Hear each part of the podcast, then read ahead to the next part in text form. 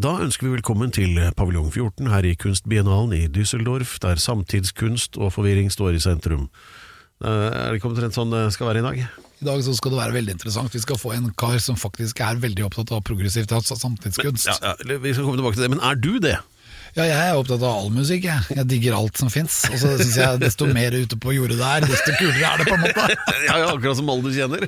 Ja, helt riktig. Jeg har bare dårlige venner, jeg. Jo, men da, du har jo et forvirrende liv. Ja, og det er liksom det, I et forvirrende liv Ja. så er det ingenting som er bedre enn progressiv samtidskunst. Ja, altså, men altså, progressiv, hva betyr egentlig progressiv? Det betyr å være på, vil jeg si. Ja. Og litt for forut for sin tid. I hvert fall ikke av. Nei, progressiv. Ja, altså, ja, det å være progressiv altså, Så lenge det ikke dreier seg om progrock, som jeg ser på som utelukkende negativt, så eh, Nei, men det er jo akkurat det det er. Hva det er progrock. Nei, progrock er en sjanger som er funnet opp bare for at noen skal kunne spille inn noe for å vise hvor fort de kan spille. Ja, helt riktig, men sånn er progressiv Og, samtidskunst og selv, også. selv om de spiller fort, så er låtene 17 minutter lange. Ja, men progrock er da en forkortelse for progressiv rock. Ja, og sier du det? Men eh, altså Men eh, jeg trodde det var programrock, jeg. Men eh, det er vel Nei, men altså, nå, nå går det helt av skaftet her, fordi at poenget er at nå skal vi ja, Kall det Alex Rosénshow avantgarde spesial, da. Alex Rosén klargjør. De er sånn Ja, men altså Alex greier ut og redegjør. Ja, i denne tåkehavet av musikk Ja. så skal vi klargjøre hva er progressiv musikk, hva er progrock, Ja. hva er det som skjer når de spiller veldig fort, og når de ikke helt vet hvor refrenget er, og ikke når det begynner, eller når det slutter, Ja. og hvor låtene kan vare i 25 minutter. Ja, Og så har du det der merkelige fenomenet som heter samtidsmusikk. Det er sånn der Arne Norheim eh, som det høres ut som du Det er sånn blanding av sånn eh, støy fra eh, et sånn metallsmie blandet med kveling av kattunger og Bling, bling, bling. Bling, bling, bling, bling. Bling, bling. Og så en drill, Også en drill. Alltid en drill. Mye verktøy, i hvert fall. Hvis du er interessert i verktøy, så er samtidsmusikk kan være noe. Og samtidsmusikk, det er ikke bare samtiden, samtiden har vært i årevis. Ja, husker du de der, husker de der Einstürzende Neubauten? Ja, ja, de Altså- spilte musikk på eh, verktøy. Ja, Ambolt var liksom det viktigste. Ja, da, de var jo tyskere. da Einstürzende Neubauten betyr vel sammenrasende bygninger. Ja, inntil de klarte å lage The Bad Seeds og endte opp til slutt som bandet, backingbandet til Nick Cave. Ja, Det er morsomt, men altså, de, jeg husker singelen, og den har jeg et eller annet sted. Den heter Hørenschmerzen. men vet du hva det er for noe på, på, på B-siden av den? Schmerzenhøren. De har humor, i hvert fall. Vi skal greie opp Ja. i alle disse uttrykkene, Ja. for snart får vi en gjest, og han kommer til å ta helt av. Folkens, hold dere fast. Ja. Alex Rosén Show. En podkast fra Radio Rock. Jeg vil jo gå inn i historien som kanskje det kraftigste kunstneriske bidraget i hvert fall dette programmet har gitt da, til, til, til det beste altså for allmennheten, vil jeg tro. Nå skal vi jo ikke skyte skinnet før bjørnen har, har talt, eller hva det heter, så da må vi roe oss litt ned. Men du, Alex, er jo veldig god på sånn heraldisk og ektefølt innkalling av gjest, og det er det som skal skje nå. Vær så god. Ja, nå har vi en innkalling her, Ja. og for han vil jo virke som en utkalling, men han har spilt i et utall band. ja. The Pess Dispensers, Black Satan, Terrorduen, Ace Tate Beat, The Handkerchiefs, Mans Fatals. Stort sett spiller han progressiv samtidsmusikk, og han er fadder til Ari Behn og prinsesse Märtha Louises barn Lea Isadora. Han kan alle trommeslagerne til Frank Zappa utenat. Han var medlem i Den nye vinden sammen med Per Heimli og Ari Behn. Mine damer og herrer, ta imot komponist, artist og forfatter Jono L. Grande! Ja da! Det varmer. Hallo, Jono! Så fantastisk at du kom her. Nå har vi hatt dette programmet her i fem år, og endelig er du her. Det er hyggelig. Ja, Det var på høytid. Ja, det var det. Uh, Syns jeg òg. Det var hyggelig å møte deg tilfeldig på, i en butikk her om Ja, dagen. vi var jo begynte vi å faktisk snakke om Zappa, og så Å, hva skjedde? Ja, nei, Vi var og klippet oss. Du klippet håret, og jeg klippet håret. Ja, jeg klippet eh, vingene, da. Betalte vel litt for Du- Altså, graden, graden av loddenhet er litt u ulik, men dere var samme sted i hvert fall. Ja, det Ja, stemmer. ja. Uh, og så møttes, møttes vi, og så begynte vi å snakke litt, og så slo det vel meg at du har et eh, program, eh, som, eh, og så begynte vi å snakke. Det var du som inviterte meg, men jeg tenkte på det, må jeg si, da du sa 'vil du komme i dette radioprogrammet', så tenkte jeg ganske kjapt ja, det er hyggelig. Ja, for du har stått lenge på vår ønskeliste. Ja, og jeg har jo vært, ligget, vært under radaren en stund. Ja, du, Og så er det sånn vanskelig å få tak i deg, for at du er så hemmelig. på en måte Du er jo veldig offentlig, på en måte, men Du så finner allikevel ikke adressene mine så lett. Nei, jeg prøvde på Grande, og så gikk jeg over til L. Så endte du med hun Ja. Trine Skei. Eh, Men eh, L er feil, du må begynne på E. L Grande. Ja, det var det. men det er så hyggelig å ha deg her. Hvordan går det nå? Ja, det går topp. Det er, eh, går glimrende. For du har jo spilt masse musikk. Det er en stund siden du har kom ut med noe musikk. Hvordan er du i musikkverden?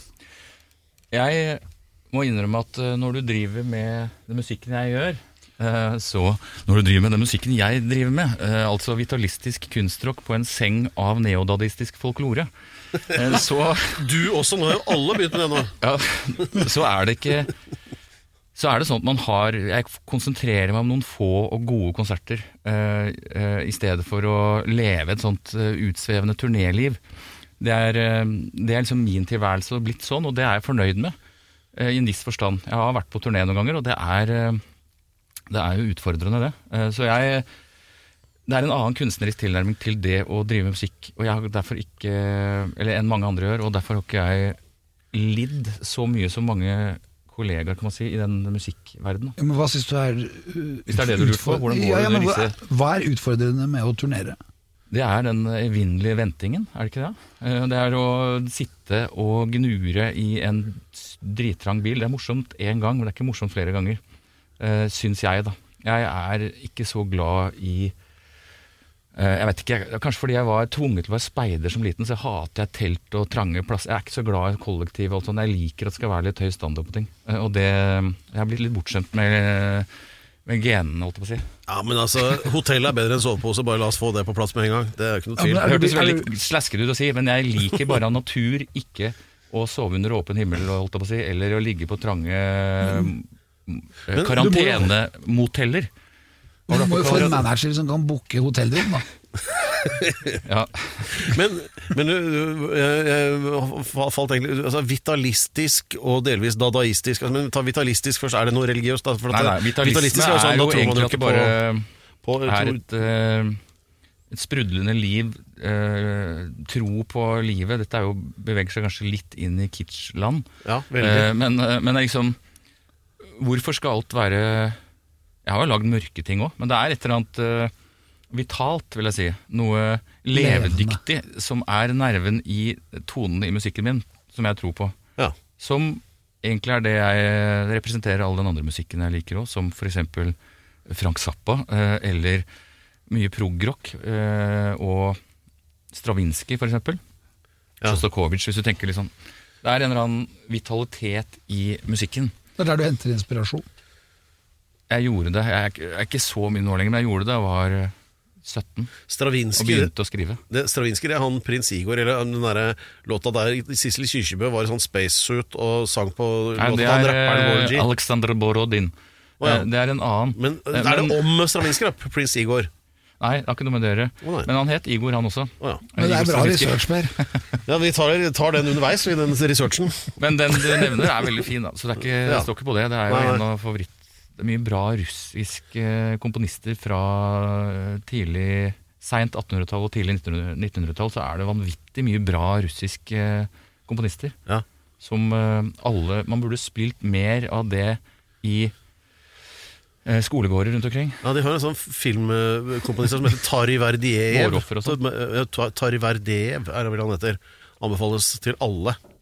Han er bedre enn John Williams. Ja. Ja. Uten å egentlig omfavne det russiske sånn eh, på andre måter. Men, eh, sånn eh, I hvert fall russisk kultur, russisk kunst og musikk er jo ekstremt uh, gjennomarbeida. Eh, og, og inspirerende, syns jeg, da, som uh, musiker. Mer enn John Williams og amerikansk filmmusikk. Men hva med Iron Maiden? Ja, det er jo spennende også.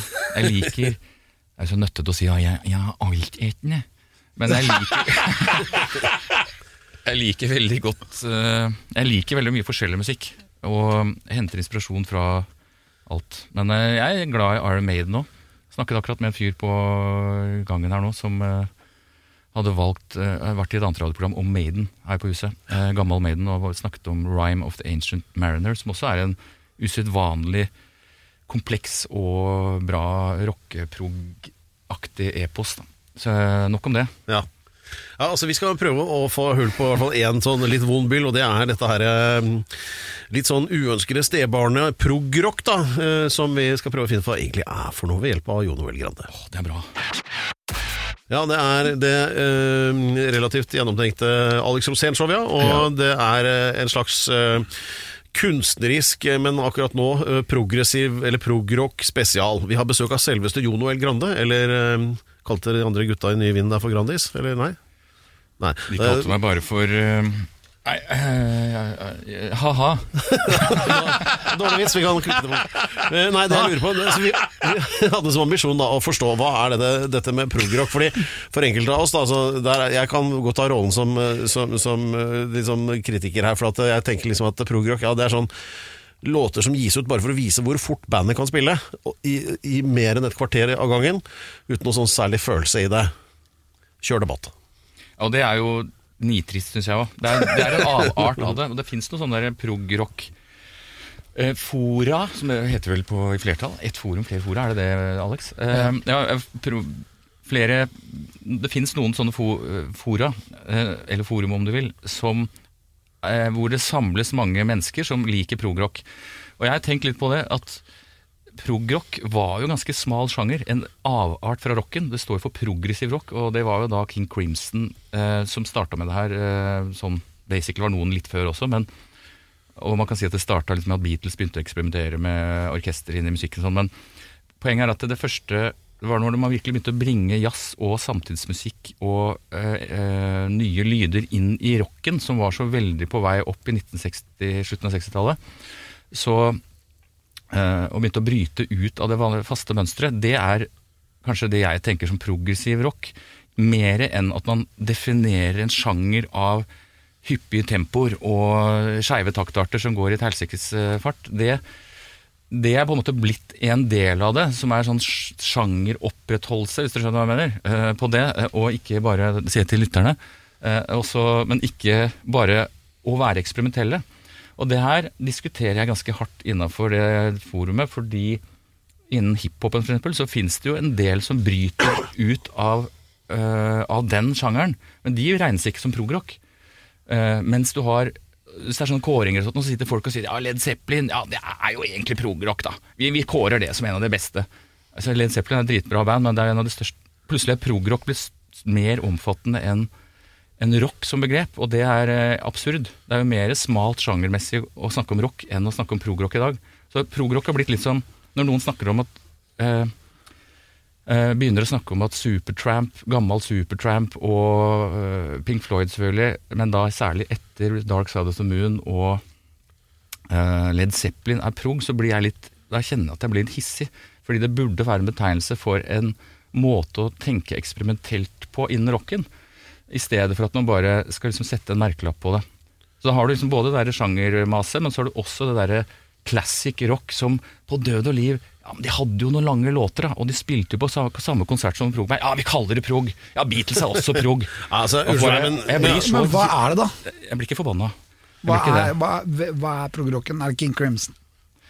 Ja, eh, eller jeg vil si at det er et state of mind, det er det jeg mener. At du tenker eksperimentelt ut av det, så trenger ikke rock å være så viktig. Men det som har skjedd, er at progrock har blitt litt som Viken fylke. Du du sammensmelter Aremark og Geilo. Eh, og det er litt sånn Fader, hva er det du snakker om, da? Eh, Snakker du om Aremark, eller snakker du om Geilo? Eh, det er helt umulig å skjønne. Og det er eh, forvirrende, da. Så jeg driver og kødder masse i det forumet der og, sier, eh, og prøver å si at Beatles er ikke prog, og da er det mange som faktisk blir fornærma. Men hva med førsteskiva til Pink Floyd, da? Ja, det er jo selvfølgelig progressivt, og man kan si at det er en defineres inn i sjangeren prog, og de fleste som også er imot det, sier ja, men bare google litt, da, så ser du at uh, så ser du at uh, Du kan bare google litt, så ser du hva, hva sannheten er. Men da kan, du kan jo google, så finner du ut at jorda er flat òg. Så det, er jo, det å google er ikke noe sikkert mål for å finne sannhet. Men Er det ikke? 66, 65, 66 Er det riktig tid omtrent?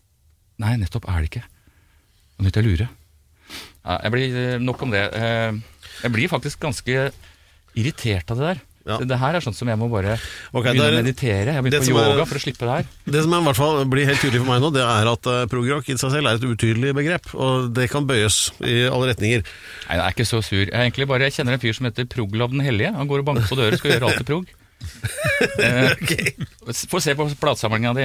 Og så Etter hvert så ble han drept, da, nedi, og så nå er det festival Ja, det er på, uh, der hvor han døde. Ute på en slette på, i England. Spiller de bare sånn bluesrock og kaller det prog. Ok, ja sånn går det du, Men um, nei, jeg kan for, for øvrig så kan jeg være med på Floyd og kanskje helt opp uh, The Wall også, for så vidt, som, som prog. Men Zeppelin er virkelig ikke prog-rock. Jeg mener jo at eh, The Wall er veldig bra musikal. Altså. men Det er, Ja, det er ikke rockemusikal, det er en eh, rockeopera. Det er ikke prog sånn klangmessig, syns jeg. Men der, er det, der snakker vi om Aremark og, og, og Geilo, og eh, vi må bare erkjenne at det er samme kommune. Nei, fylke. Unnskyld. Men ja. hvor er du hen i din musikk? Jeg er utenfor det her. Vitalistisk kunstrock. Kunstrock er jo litt i grenseland, men jeg prøver å faktisk komme bare ut av det der. Det er viktig å bli utstøtt av de utstøtte, altså progrockerne, for å føle at man er på vei til eh, noe nytt eh, musikalsk. Eh, så ja. Det virker som, for meg så virker det som om du er litt sånn i Tyskland også. Med sånn Holger Sjuka i litt Cannes og Ja. Øh, både ja og nei. Nå ble det stille her, men nå føler jeg at jeg har tømt meg litt, så nå gidder jeg ikke å si så mye mer. Ja, det, så, det er så jævlig bra. Det tror jeg jeg skal ha på gravsteinen. Hva da? Alex Rosén Show podkast. Dette er um, Alex Rosénshow. Det er programmet der du får dyp og ekte innsikt i mange ting. mange temaer. Ja, og nå i dag så prøvde jeg å finne ut av progrock, og det gikk akkurat sånn som det pleier, nemlig rett på dunken. Ja, men jeg, jeg, vi jeg, jeg vil i hvert fall ta opp tråden igjen. Er Zappa prog? Zappa. Zappa. Ja, ehm, eh, her eh, lides de strerde, som vi pleier å si, og det er at ehm, Zappa var jo ikke prog i utgangspunktet som sjanger, men han var jo progressiv i musikken. eh, Og derfor har han også fått den betegnelsen etterpå, og inkluderes i sånne store kartoteker over liksom det viktigste influenserne, holdt jeg på å si. Eller eh, de store påvirkerne innen eh, eksperimentell rock er jo Zappa selvfølgelig en stor fanevare for. Men han drev ikke med prog-rock, sånn som det er blitt en sjangerdefinisjon etterpå. Eh, men eh, hvis man hører på veldig mye av Hvis man bare glemmer det her litt, da. Det er sikkert mange som eh, hisser seg opp også nå. Men håper det. Hva er det jeg egentlig skulle si her? Jo, at det, det som er vanskelig da, når man driver og jobber med eh, Jeg har tenkt at jeg opererer også innen en sjanger, eller en state of mind som handler om å bryte ut av eh, definerte sjangermønstre. Det syns jeg er spennende å gjøre.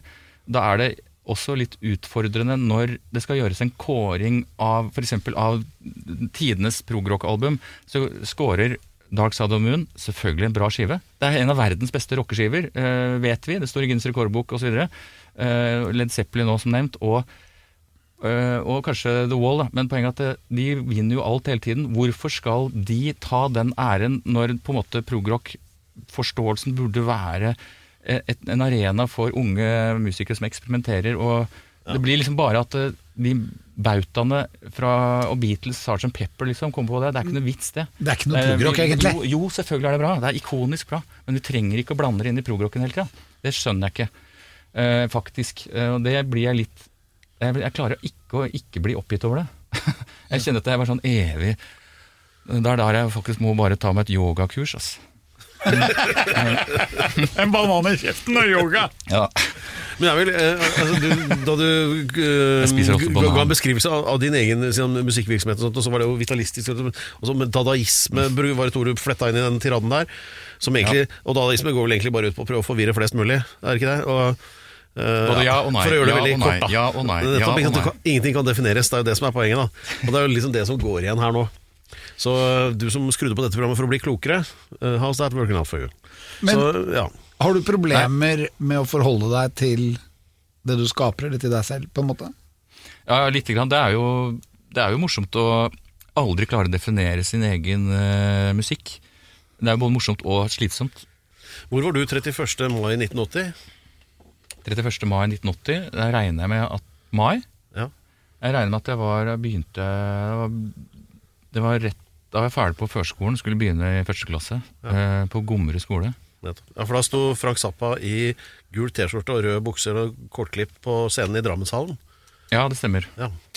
Jeg skulle akkurat til å si at jeg vet vet at han var i eh, Drammenshallen. Og Horny Little Jewish Princess og sånn, som var litt øyeåpner for oss som var pur unge da. Det er jo den mest kontroversielle låta hans, by the way, som det det? har forfulgt ham i ettertid. Uh, det er alltid sånne ting som Den var kontroversiell selv da. Men da var det ikke Eh. sant, det, det, det syns jo vi var gøy. Altså, ikke sant, at Tenk at han tør det, eller Det er jo så drøyt, og så skjønner man at det er jo Det er så tjukk ironi at uh, Mens de som blir for, fornærmet, forstår jo da ikke det. Det her kan man faktisk også Dette kan man google seg fram til, man må bare finne riktige kilder. Det, det er en sånn uh, ordentlig nerdeside som går inn på absolutt alt Zappa har gjort, tenkt eh, eller følt. eh, mer enn det Zappa selv visste om. Og Zappa-fans er ikke som andre fans, for å si det sånn. Det er, eh, der snur man alle steiner. og hvis du finner det, så ser du liksom alt som er sagt i media om Jewish Princess på den tiden òg. Han fikk jo masse tyn i USA særlig, da. Så i Europa så var det liksom mer avstand til Man så kanskje ting med mer ironi i, i Europa, tror jeg. Så derfor ble Zappo mye større i et, eh, i, på et engelsk fors- språklig Et kontinent som forsto engelsken hans og kunne le av det uten at det ble for nært. Zappa ble aldri så stor i USA.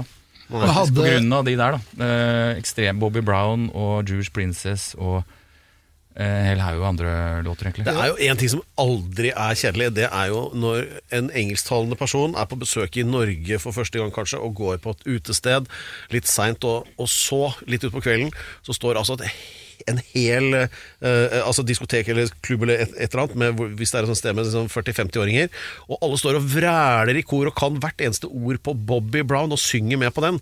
Det er en bisarr opplevelse for en engelsktalende. Ja. Og en av de som har sunget, det er jo selveste Alex Rosén. Og Det syns jeg var ganske kult eh, for mange år siden, da jeg så det plutselig på TV, så dukka det opp, og så Faen. Jeg tror vi hadde hilst på hverandre før, men det var bare sånn Det var ikke første gang jeg så deg, eh, men det var vel sånn i midten av din karriere, hvis man regner herfra og tilbake, eller noe sånt noe? Ja. Sånn 20 år siden 98-99. Ja, det så såpass, ja. Uh, litt mer, ja. Uh, og da sang du jaggu meg Bobby Brown, og det husker jeg syntes var jæskla kult. Altså. Uh, og bare Og der mener jeg Zappa-fans er ikke som andre fans. Det spiller ikke noen rolle Jeg skal ikke tolke uh, din tolkning av Zappa, eller eh, evaluere den. Nei, Jo. hvis du faktisk gjør en Zappa-cover, så er det innafor. Der er Zappa-fans. Hvis du plystrer Zappa på gata, så er det alltid en eller annen Kommer det en Zappa-fan fra Hamar og tar det opp? Eh, De er, skal liksom, det er alt som tenkes som Zappa og snakkes som Zappa, det skal logges. Og det her vi gjør nå, nå kommer det her garantert til å komme på sånn her eh, torrentfil på noe som heter zappatears.com. Det skal jeg sørge for. Ja, nei, men det, det skjer, det. Men hvor stor er Zappa? Sånn underground-messig der, så er han evigvarende, eh, tror jeg. Eh, men det er litt sånn som eh, ekstremt stor blant de harde fansen, og så er det stadig flere som ikke har peil på hvem det er utafor. Eh, det er mange sånne band som ofte fyller Globen i Stockholm.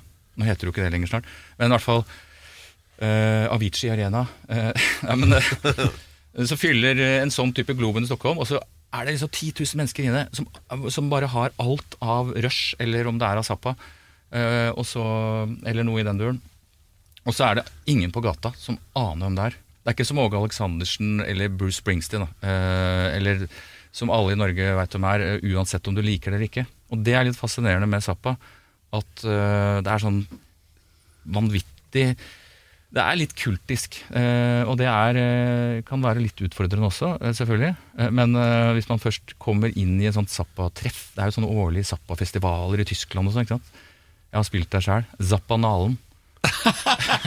Zappanalen. Eh, Men det er Zappanale i Bad Dobran. Ja, der, går- der er det festlig, tenker jeg. Men det var så gøy, Jono, for Ja, når jeg møtte deg, så satt du aleine inne hos frisøren og, og, og satt og ramset opp alle trommeslagerne som hadde spilt i, hos Zappa, og det var ikke få. Nei, og du kan, Nå kan jo folk lure på hvorfor jeg, hva jeg gjorde så, hos en frisør. Men uh, du var der, og du satt og nevnte masse navn. Ja.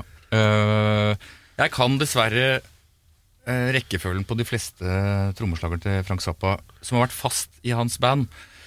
Eh, og eh, da hopper jeg over studiomusikere eh, som kanskje bare har vært med på én plate. Det der er litt sånn eh, Av en eller annen grunn så har ikke det festa seg på bevisstheten. Det må være liksom en medlem av The Mothers eller hans faste turnéband. da. The Mothers of Invention, er det det, var det det de het? Ja, det så var, det. Jimmy Carl Black, Art Trip eh, Skal vi se uh, Ainsley Dunbar er ikke, jeg må tenke litt òg, da. Eh, Ja, og, og, eh, da. Ralph Humphrey, Chester Thompson. Kan nevne Jim Gordon, som var med på Apostrophe. Eh, jeg husker ikke hvem som var på Apostrophe, fantastisk skive. ja, og Så har det vært noen perkusjonister jeg hopper over nå, da, men Ruth Underwood det er ikke trommeslager som basically. Og så har du Terry Bossio. Eh, Det er herlig Dette er, dette, er, dette er en oversikt du ikke Ja, får på så veldig mange så er det Vinnie programmer. Vinnie Colaiuta, og så er det Dave Logman. Som var med på en eh, skive i 1980, og så var det, som sikkert spilte, kanskje, jeg vet ikke, men mulig han spilte i Drammenshallen. Eh, og så kom da Chad Wackerman til slutt, som var fra 1981 til eh, 1988. Ja. Fantastisk. Da, beklager igjen da at uh, Jono hoppet over et par av perkusjonistene. Ellers var det en ganske komplett liste. Gratulerer. Takk. Ja. Pedro, vær så god. Ja, takk for den eh, fine vitalistiske og dadaistiske fanfaren, eh, Alex. Vi har besøk av eh, selveste Jono L. Grande fra, ja fra seg selv og den nye vinen og alskens. Og, men, men nå det var det altså Frank Zappa det handlet om, da. Og som du da sier, at du kan ramse opp alle trommeslagere han har brukt eh, noensinne, øh, Jono, og det Er ikke helt sant. Jeg kan ramse opp de som var fast i bandet, men ikke studiotrommeslagerne. Greit. Eh, Men hadde noen ekstra, ja. Ja, Men, men eh, det, det jeg skjønte at, eh, at det, har blitt det ble, må nærmest ha vært en slags forbannelse for deg, denne Zappa-fanatismen på 90-tallet, da du skulle begynne å konsentrere deg. Du måtte kvitte deg med Zappa, han lutring, for å bli komponist på egne vegne, var det så? Det her er litt spesielt fordi um, jeg hadde jo tenkt, tenkt på det å bli komponist lenge før det, med band og sånt noe før, øh, i ungdomstida, men da Zappo døde, så ble jeg veldig bevisst, i 1993, så ble jeg veldig bevisst på at oi, nå er det, nå er det stopp. Prog-rocken, sånn som jeg liker den, er over. De 70-tallsbandene holder ikke på lenger. Så hva skal man gjøre? Så jeg begynte å det, det, jeg begynte å skrive musikk litt av dette, og så eh, eh, å lære meg musikk osv. Uh, det er en lang historie. Kan dere google, så finner dere ut av det. det er, sannheten ligger på nett. Og, eh, eh, men eh, etter noen år så fant jeg ut eh, Og dette her er faktisk min gode gamle venn Ari. eh, Hva sa han? jo, min gode venn Ari sa at eh, det er viktig med fadermord. Vi drev og snakka om det en gang på 90-tallet. Eh, og så fikk jeg ideen om å selge hele Zappa-sangmeldinga mi pga. at det var viktig å kvitte seg med sine mestere. eh, Mestres, det du hadde blitt mest inspirert av, måtte du også fjerne for å komme videre. Det syns jeg var en veldig inspirerende tanke da jeg var 23-22 år. Eh, Så jeg eh, solgte rubbel og bit av alle Zappa-skivene mine. Jeg hadde samla opp komplett samling som 21-åring, så hadde jeg alt på vinyl. Så det var jo eh, Og så kjøpte jeg meg eh, datamaskin og eh, Eller komposisjonsutstyr, masse eh, synt og ja, Jeg investerte i et lite hjemmestudio, eh, sånn at jeg kunne skrive min egen musikk, og det var jo positivt. Helt til jeg begynte å angre. Eh, Og da kjøpte jeg alt opp på CD først, og så alt opp på vinyl igjen. Så nå har jeg egentlig to Zappa-samlinger på CD og vinyl eh, igjen. Og det er noen liksom, De aller mest sjeldne, de solgte aldri. Så jeg har noen avleggere fra den autentiske gamle hvor jeg som 13-åring gikk ned på Aker Brygge og, og kjøpte øh, på Rockshop, husker du det? Jeg Ja, kjøpte Rockshop. liksom, jeg var kaldsvetta, der fant jeg en, en, Zappa-skive. Liksom. Eh, for jeg trodde alle skulle stjele fra meg. Men jeg kjøpte Joe's Garage av Christer Falk i, da han var på Arkaden. Da husker jeg også at jeg Han var mye eldre enn meg. Jævlig mye eldre enn meg, faktisk. Jeg tror han er sånn 40 år eldre enn meg. Da. Men eh, jeg husker i hvert fall at, at jeg, jeg husker godt at, jeg, at jeg, liksom, da var jeg 14-15 år, hadde lett etter Det hadde gått en to år som Zappa-fan, og hadde lett lenge etter Joe's Garage, og endelig fant jeg den. Og jeg fikk Jeg holdt liksom Jeg kjente at jeg ble Fikk litt sånn panikk eh, Jeg begynte å puste og sånn, da. Eh, Fordi jeg var redd for at noen skulle stjele den. Før jeg hadde gått fra eh, racken til kassa. Ja. sånn, men da hadde jeg betalt den. så følte jeg at nå er den min. Men det er det at noen kunne ta den fra, fra meg, jeg, bare, jeg kjente at jeg var dritnervøs. Altså, det blir nesten som den der gamle mannen og havet. Ja, Altså, som har den fisken hengende utenfor båten. Er sånn? omtrent. Så du kommer i havn. Eh, Bortsett fra var det Christer Falk som var den gamle mannen. Nei, han var, han var hvalen. Han var havet, han. da. Ja, I Ocean. Deilig. Eh, var det ikke Joe's Garage? Var ikke det både nummer én og to? Og, nei, åssen var det der? Joe's Garage Act 1 var det her, da. For jeg hadde Act 2 og 3 eh, allerede. Eh, som jeg hadde da fått av eh, en eller annen som ikke likte det der. Eh, dette er litt komplekst, men jeg trenger ikke å nerde mer på det. Eh, det var en forvirring i, sin, i hin, hine hårde tider om at alle hadde hørt hiten fra nå sier jeg det likevel, hiten fra Joe's Garage Act 1. Så ga Zappa ut jaggu meg Act 2 og 3 som et dobbeltalbum, som var mye særere. Og så kjøpte alle den, da, og så ble de dritskuffa. Så kom de hjem, så var ikke den hiten på, for de skjønte jo ikke forskjell på Act 1, 2 og 3. ja. Så det var fadermordet. Ja. ja. Alex Rosén Show. En podkast fra Radio Rock. Rappatam. Det var fanfaren hittil. Rappatam. Vi må våkne opp her. Ja, jeg, tror, jeg lurer på om det du har tatt eh, det, Ja, det jeg tenkte på, er bandet Black Satan. Det, er, eh, det var da vi var Det var sånn One Night Only. Eh, En som het Chris Hofod. eh, Rest in peace, han òg. Og jeg var eh, eh, var på ung, Be- Bekkestad ungdomsklubb. Det var på nitt- åtte- slutten av 80-tallet eller tidlig 90. Så skulle vi ha Var det sånn Hva heter det? Det var en ungdomsklubbleder som ville at vi skulle liksom gjøre noe. Så vi lagde sånn One Night Only-band som vi kalte for ikke Black Satan, men det var Black Satan. var det viktige. Ja. Og det var egentlig som en kommentar til eh, at det var egentlig ironi, eh, fordi vi eh, eh, Fordi det var så ekstremt mange som likte heavy. Nå kan jeg svelge masse eh, fet heavy, eh, for å si det sånn, men da så var det en sånn eh, Da var det oss som likte Zappa og, og Doors, og, og mye sånn hip, eh, hippiemusikk, si. Led Zeppelin og, og, og 70-tallsrock og Pink Floyd. Og så hadde du og prog, og så var det da de andre gutta som hørte på Maiden. Det var ikke så mye Maiden, det var mer eh, ny Alice Cooper. Sånn Poison, som var stor hit da, og Metallica. Og vi ble litt lei av at de hele tiden dominerte platespillerne der, så vi lagde Black Satan, sånn at de skulle tro at det kom et eller annet uh, heavy band. da. Fordi da liksom, akkurat da var uh, uh, Jeg husker ikke helt, men jo, det var vel svartmetall var liksom på vei Jeg lurer på om kanskje vi kom på det her før. Jeg husker ikke når var det svartmetall, men det var etter at det skulle Ja, det var, dette var tidlig 90-tall, vel? ja, jeg, når var det eller, Var vi forut vår tid? Men det var poenget at vi skulle lage Satan Det var egentlig Satanrock. satan Ja, ja. Eh, og så lagde vi dette her i 19, Jeg tror det var 1990.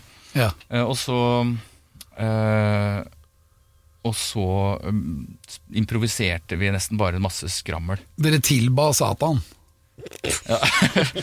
Men, eh, men mellom linjene, ved å synge barnesanger f.eks. Jeg husker nå at han, Chris sang eh, litt sånn The Masters of the Universe og sånn. Sånn He-Man og sånn- sånne kjenningsmelodier fra, eh, fra, fra Sky Channel. Fra sånn barne-TV. Det drev vi og sang med veldig mye støy, da. Ja, og så nevnte du ironi. Ja, vi er jo Det er vel du også? Eh, Ironiske generasjon. Ja, vi, har jo, vi er flere av oss som har falt i en balle med ironi som barn. Men jeg mener at det er viktig å skille mellom kjærlighetsfull ironi og den der distanserende ironien. Du kan ha være varm og, og omsorgsfull, men likevel dra på med noe ironi i ny og ne. Ja, men- Eh, For det er faktisk beslekta med galgenhumor, f.eks. Det Ja. kan være befriende. Ja. Så lenge du ikke skaper angst hos folk, for det er ikke noe vits. Du må ikke være for ironisk når folk ikke skjønner det, men det å er, Hvis riktig ironi har en sånn utrolig fin Uh, avvæpnende effekt, vil jeg si, i visse situasjoner. Ja, jeg har, jeg har- et veldig godt eksempel på det. Du snakker om også samtidsmusikk, også, som du også er en ting du sysler med uh, selv. og uh, Det er litt sånn utilnærmelig. Altså, Arne Norheim, for eksempel. Ingen skjønner noe som helst. Det er, noe, det, det er jo bare noe rare lyder for de fleste, da. Eh, helt sånn, og de, Man tenker liksom at de folka som driver med det, er sånne elitistiske som de driter i om noen hører på eller ikke. De skal bare uttrykke seg selv. og Det er liksom det inntrykket man får. Men så har du noe som heter Ultimafestivalen, da, som er en sånn festival for samtidsmusikk. hvor jo Det er mange ting jeg heller ville gjort enn å gå dit, som f.eks. ha fire rotfyllinger uten eh, bedøvelse samtidig. Trekke fortennene. ikke sant? Men, men, men så gjør de en ting. da de, eh, Det var i en periode hvor eh, de, de mestselgende CD-ene var liksom Absolute Music 1, 2, 3, 4 og sånt. Så gir de da ut en sånn eh, samle-CD fra festivalen som het Absolute Pling Plong. Det er selvironi. Det var Da begynte, da begynte jeg Det var det som skulle til for at jeg skulle gidde å få med meg hva de faktisk holdt på med. For at det var et snev altså, sånn, Lukk opp din hjerte altså, De, de Mhm. turte det, da, ikke sant? og ha litt sånn selvironi på det der. Da Det er jo en, var jo en bølge av det eh, Jeg savner det. Det er jo noen fra min generasjon som sto bak disse tiltakene. Eh, iverksetting av disse tiltakene, Ja. eh, som man sier. Eh, det var jo noe som het Happy Days eh, Music Festival. Jeg var jo også festivalkomponist der en gang. Eh, og da var det samtidsmusikk for folk flest på Oslo City. Det var også en sånn samme ånd, da. Og de Happy Days hadde jo også eh, kjørt en sånn turistbuss hvor de inviterte folk inn til å høre på samtidsmusikk inni den bussen. Det er dessverre gått litt eh, inn i glemmeboka, og det var et vanvittig eh, forfriskende og kanskje vitalistisk da, kan du si, eh, til, tiltak i, i samfunnet, syns jeg. Men jeg opererer kanskje mest mulig på egen hånd, så da blir det liksom ikke tillatt uh, Ja, jeg har vært i det der, men man kan ikke holde på med det uh, hele tiden. Selvfølgelig. Men uh, Ja. jeg syns det der du sier er kult at du fikk det med deg, fordi Ja, Det som selvfølgelig skjedde, det var jo da at eh, den kommersielle delen av musikkbransjen, dvs. Si rettighetshaverne bak den Absolute Music-serien, ble sure og så for seg å tape penger, så de nedla forbud mot distribusjon, eller at de skulle bruke navnet Absolute da, Ja. i den der, på den der CD-en. Og dermed så var det jo liksom den kommersielle musikken, altså popmusikkbransjen, liksom, som ble de sure, humørløse, mens samtidsmusikerne var de morsomme, ironiske. Skjønner du? Det, så det, jeg bare synes det var litt sånn, eh, ja, litt sånn poetic justice i hele den prosessen, da. Det der husker ikke jeg det du sa der. Det er veldig Jeg husker det. Ja. Dette må vi google. Men ironi og humor. Ja, ironi og humor, er det litt av det samme? Nei. Nå var jeg ironisk. Men eh, Jo, selvfølgelig. Det, det går eh, Ja, selvfølgelig er det det. Selvironi er også interessant fordi det er mye lettere, selvfølgelig. Det er jo noe alle vil se. Det er jo noe som veldig mange uh, burde ha, men ikke alltid heller. Det er noe som er som, Mange som prøver å være selvironiske, og så er det bare utrolig flaut. da politikere, f.eks. Det kan fort bli feil. Men nå er ikke jeg noen sånn humoranalytiker, så jeg uh, skal uh, overlate til deg å ta denne Men hører praten. humor inn i musikken? Does humor belong in music? Ja, selvfølgelig. Ja. Egentlig så mener jeg at min personlige mening er at eh, humor er noe som er morsomst når det er på en arena hvor det ikke forventes. Og jeg ler jo nesten aldri av humorprogrammer. Jeg kjente jeg, kjente jeg sliter er med det. Jeg synes det er usedvanlig vanskelig, eh, fordi eh, jeg skjønner hva jeg får. Det var morsommere da jeg var yngre og ble litt overraska, men nå det er, det er helt umulig. Jeg prøver. Da syns jeg det er mye morsommere med det uventede som skjer på andre arenaer i samfunnet. Eller f.eks. Å, å passe på da, og tulle litt i andre eh, Man Jeg må, må så ikke tulle enig. for mye heller, for da blir man mis... Men er du enig? Planlagt eh, humor er boring. Litt Moro. Litt moro må man jo ha det. Det er så gøy, for at Alex sier akkurat det du sa nå. Alltid gjort. Han, han, eh, Alex ler ikke av noen komedier, han. Han syns, han, han syns alle komikere er helt det, ubrukelige. Ja, men jeg, jeg lo av Fleksnes. Ja, du, jeg skulle akkurat til å si det. Fleksnes var jo, og det er jo interessant ennå, og hvorfor Det er et eller annet interessant med Fleksnes som er helt unikt, og det er nettopp at Dette har jeg tenkt litt på i det siste. eh, fordi det dukka opp Fleksnes på, på sånn her humorkavalkade på NRK. Og så så jeg det var bilder på, eh, på et program, og så går jeg inn, så er det bare masse eh, nytt. Eh, sånn verdens minste kommentarboks og alt det der kjempefestlige greiene der. Nei da, det var ikke eh, Men, eh, Da var du ironisk. ja, eh, men, eh, men det er en stor forskjell på de som peker på andre og ler. Det er jo, det, det er jo for så vidt en kjent form. Nå skal jeg analysere litt her likevel. Det har jo, Svenskevitser har jo alle nasjoner ler jo av de andre. Men det som er spesielt med Fleksnes, tenker jeg, er at han det er en iscenesettelse av en figur som speiler publikum, i stedet for at vi ler av en annen fyr. Og det tror jeg egentlig gjør at det der er morsomt over lengre tid. Da. At du får det derre eh, ja, at Man ser seg selv litt i det. Eh, overdrevet, selvfølgelig. Eh, men det er, etter, det, er, det er bare én ting. Det er flere ting med Fleksnes som er utrolig kult, men som ikke alle andre har. Det er mye vanskeligere form for humor. Det å bli en fanebærer for, eh, for menn vi skal snakke om mann, mann, menn og følelser. For mannlig smerte og ensomhet, f.eks. Ja. Og gjøre det morsomt. Det er jo helt utrolig rått. Ja, det er jo et eller annet med at han, er, han spiller omtrent seg selv. Ja, ja. Du får i hvert fall følelsen av det, at det er ekte. Jeg tror, ja, men jeg tror han egentlig overdrev. det. ikke- Hvis du ser hvordan Vesenstund ble etterpå, så var jo det veldig mye mer satt. Eh, Det, var- da, hvor ble det av Fleksnes? Eh, Det er litt sånn Larry David òg, som sier at eh, han spiller jo superversjonen av seg selv. Han er jo ikke sånn. Men han har bare lagd en som han vil være. Og det er å si akkurat det han føler i alle Men i dag så føler jeg kanskje at det Borat er litt der. Ja, men han føler jeg peker litt mer enn å iscenesette Jo, både og. Det er jo ikke helt rene definisjoner her, det går litt i hverandre. Eh, men det er det derre peking eh, på noe i et glassbur versus å holde opp et speil. Det, eh, Altså, Fleksnes er jo en e- egen eh, planet. Uh, og så Vesenstuen senere, som er Harald Heide Steen, da, som eh, det, det uventede der lå jo liksom det i det at eh, selv om vitsene var skrevne og det var manusbasert komedie, så var samtidig også Harald Heide Steen så dritings at du visste aldri hvor det endte. Så dermed så ble det uforutsigbart og morsomt. da ja. Jeg må si jeg elsker Fleksnes og gleder meg til å ha glemt det litt, sånn at jeg kan begynne å se det en gang til. Da har vi da, Da er vi på, Ja, da er vi på. Alle, alle prater i munnen på Bare, hverandre. bare under i pausen her så har vi googlet all informasjon fra Alex Rosénshow, og det viser seg at alt er korrekt. Eh, Men eh, så tilbake til kunsten, Alex. Ja, det jeg har tenkt da, sånn veldig ofte, for jeg har alltid tenkt sånn at man må være grensesprengende, og man må gjøre ting som er nytt på et vis. Men da har jeg vært veldig, jeg gir litt blaffen. Akkurat nå gir jeg F, selv om jeg har med meg NRK på slep, og, alt, og alle er egentlig innenfor strenge yrkesrammer og alt mulig, og jeg kan få sparken og bli kasta ut og alt mulig. Så jeg tenkte at det, shit, la gå. og så tenker jeg at jeg blir kanskje at noen verner meg mot meg selv. Men da har de morsomste tingene skjedd, da. Det er da det har skjedd noe nytt. Er det bra å gi litt blaffen? Ja, selvfølgelig. Men det er ikke nødvendigvis en oppskrift på å lage gode ideer. Eh, fordi, eh, men det er veldig mange Der har du dette med å analysere ideer som allerede er lagd. Hvis man ser tilbake på alle de gode ideene i verdenshistorien, som regnes som gode eh, innen alle kategorier, alt fra oppfinnelser til, eh, til filmideer eller musikk eller hva som helst, så er det sånn så vil man se at de som har kommet på de aller mest banebrytende ideene, har også gitt blaffen på et eller annet tidspunkt.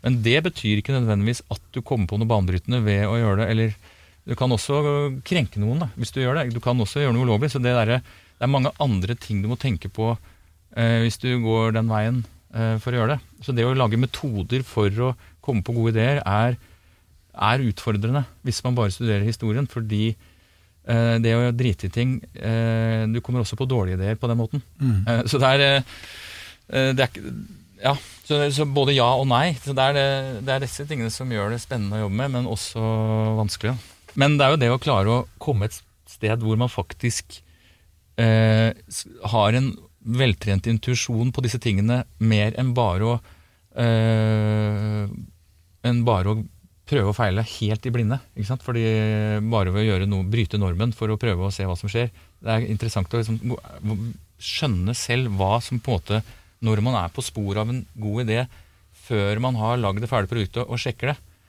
Eh, fordi det er jo ofte mange som gjør. At de en ting er det morsomste jeg vet om er liksom, Noen har jo tenkt at eh, Mills laksepølse var en veldig god idé en gang i tiden. Eh, eller at eh, amf Amphicar, altså amfibiebil, det er på 60, 70, nei, 50-tallet. En bil som kunne flyte. Ja, men, eh, og, og den fyller alle kriteriene for hva som er en god idé. Altså, en god idé, det finnes masse bøker om, er satt sammen av to andre ideer som ikke hører sammen, og så blir det noe nytt. Men poenget er, og dette er min personlige, eller det er mange som er enig i det, eh, men eh, jeg er litt på sporet av den tanken, er at eh, hvis du lager en amfibiebil, bare for å ta det, så bør det være en bedre båt eller en bedre bil. Ikke litt dårligere versjon av begge to.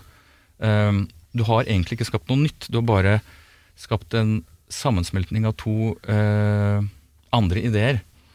Og det, det er også utfordrende. Hvordan kan du komme på en idé hvis du setter sammen nye elementer, og så kommer du på noe helt nytt som eh, skaper en ny bruksområde, en ny, nytt ritual for eh, folk, ikke sant, som er gøy. Da. Det er jo, hvis du får til det, så har du virkelig jeg, jeg Skapt skjønner sånn, historie. sånn I stedet for å blande sammen to ting, sånn taco med marsipansmak eller cherry coke eller for den saks skyld symforock. Ikke sant? Altså, Ja, ja. Eh, det er hybridkategorier, og det her er Hvis jeg skal Jeg er helt enig. Ja.